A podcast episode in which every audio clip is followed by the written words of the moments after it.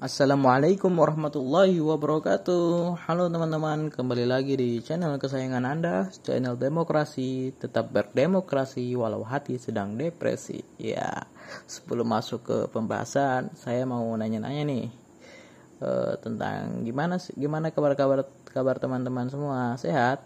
Ya, semoga selalu sehat ya teman-teman. Tetap jaga kesehatan uh, tetap patuhi protokol kesehatan dan makan makanan yang sehat dan bergizi. Oke, langsung saja kita pada kesempatan kali ini akan menjelaskan tentang kewarganegaraan. Uh, jadi teman-teman, apa sih yang dimaksud dengan kewarganegaraan itu?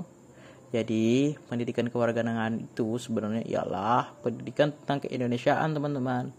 Jadi kita diajarkan untuk bagaimana sih mencintai negara kita sendiri, bagaimana bersikap nasionalis terhadap negara dan juga mengenal Indonesia lebih dalam. Ya kayak gitu-gitulah teman-teman.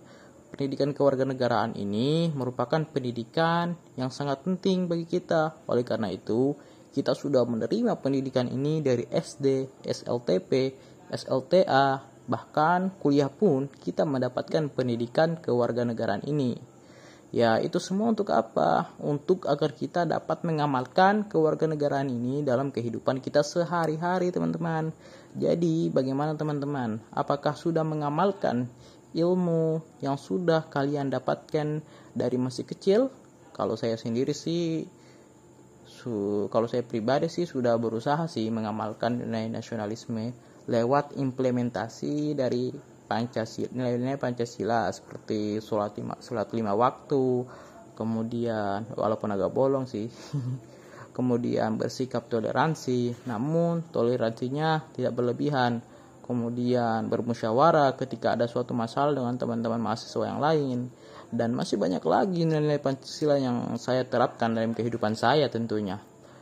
Kalau teman-teman sendiri bagaimana? Apakah sudah mengamalkan atau belum kalau belum, tolong diamalkan ya teman-teman, karena itu merupakan wujud tanggung jawab kita sebagai warga negara dan juga identitas kita sebagai masyarakat Indonesia teman-teman.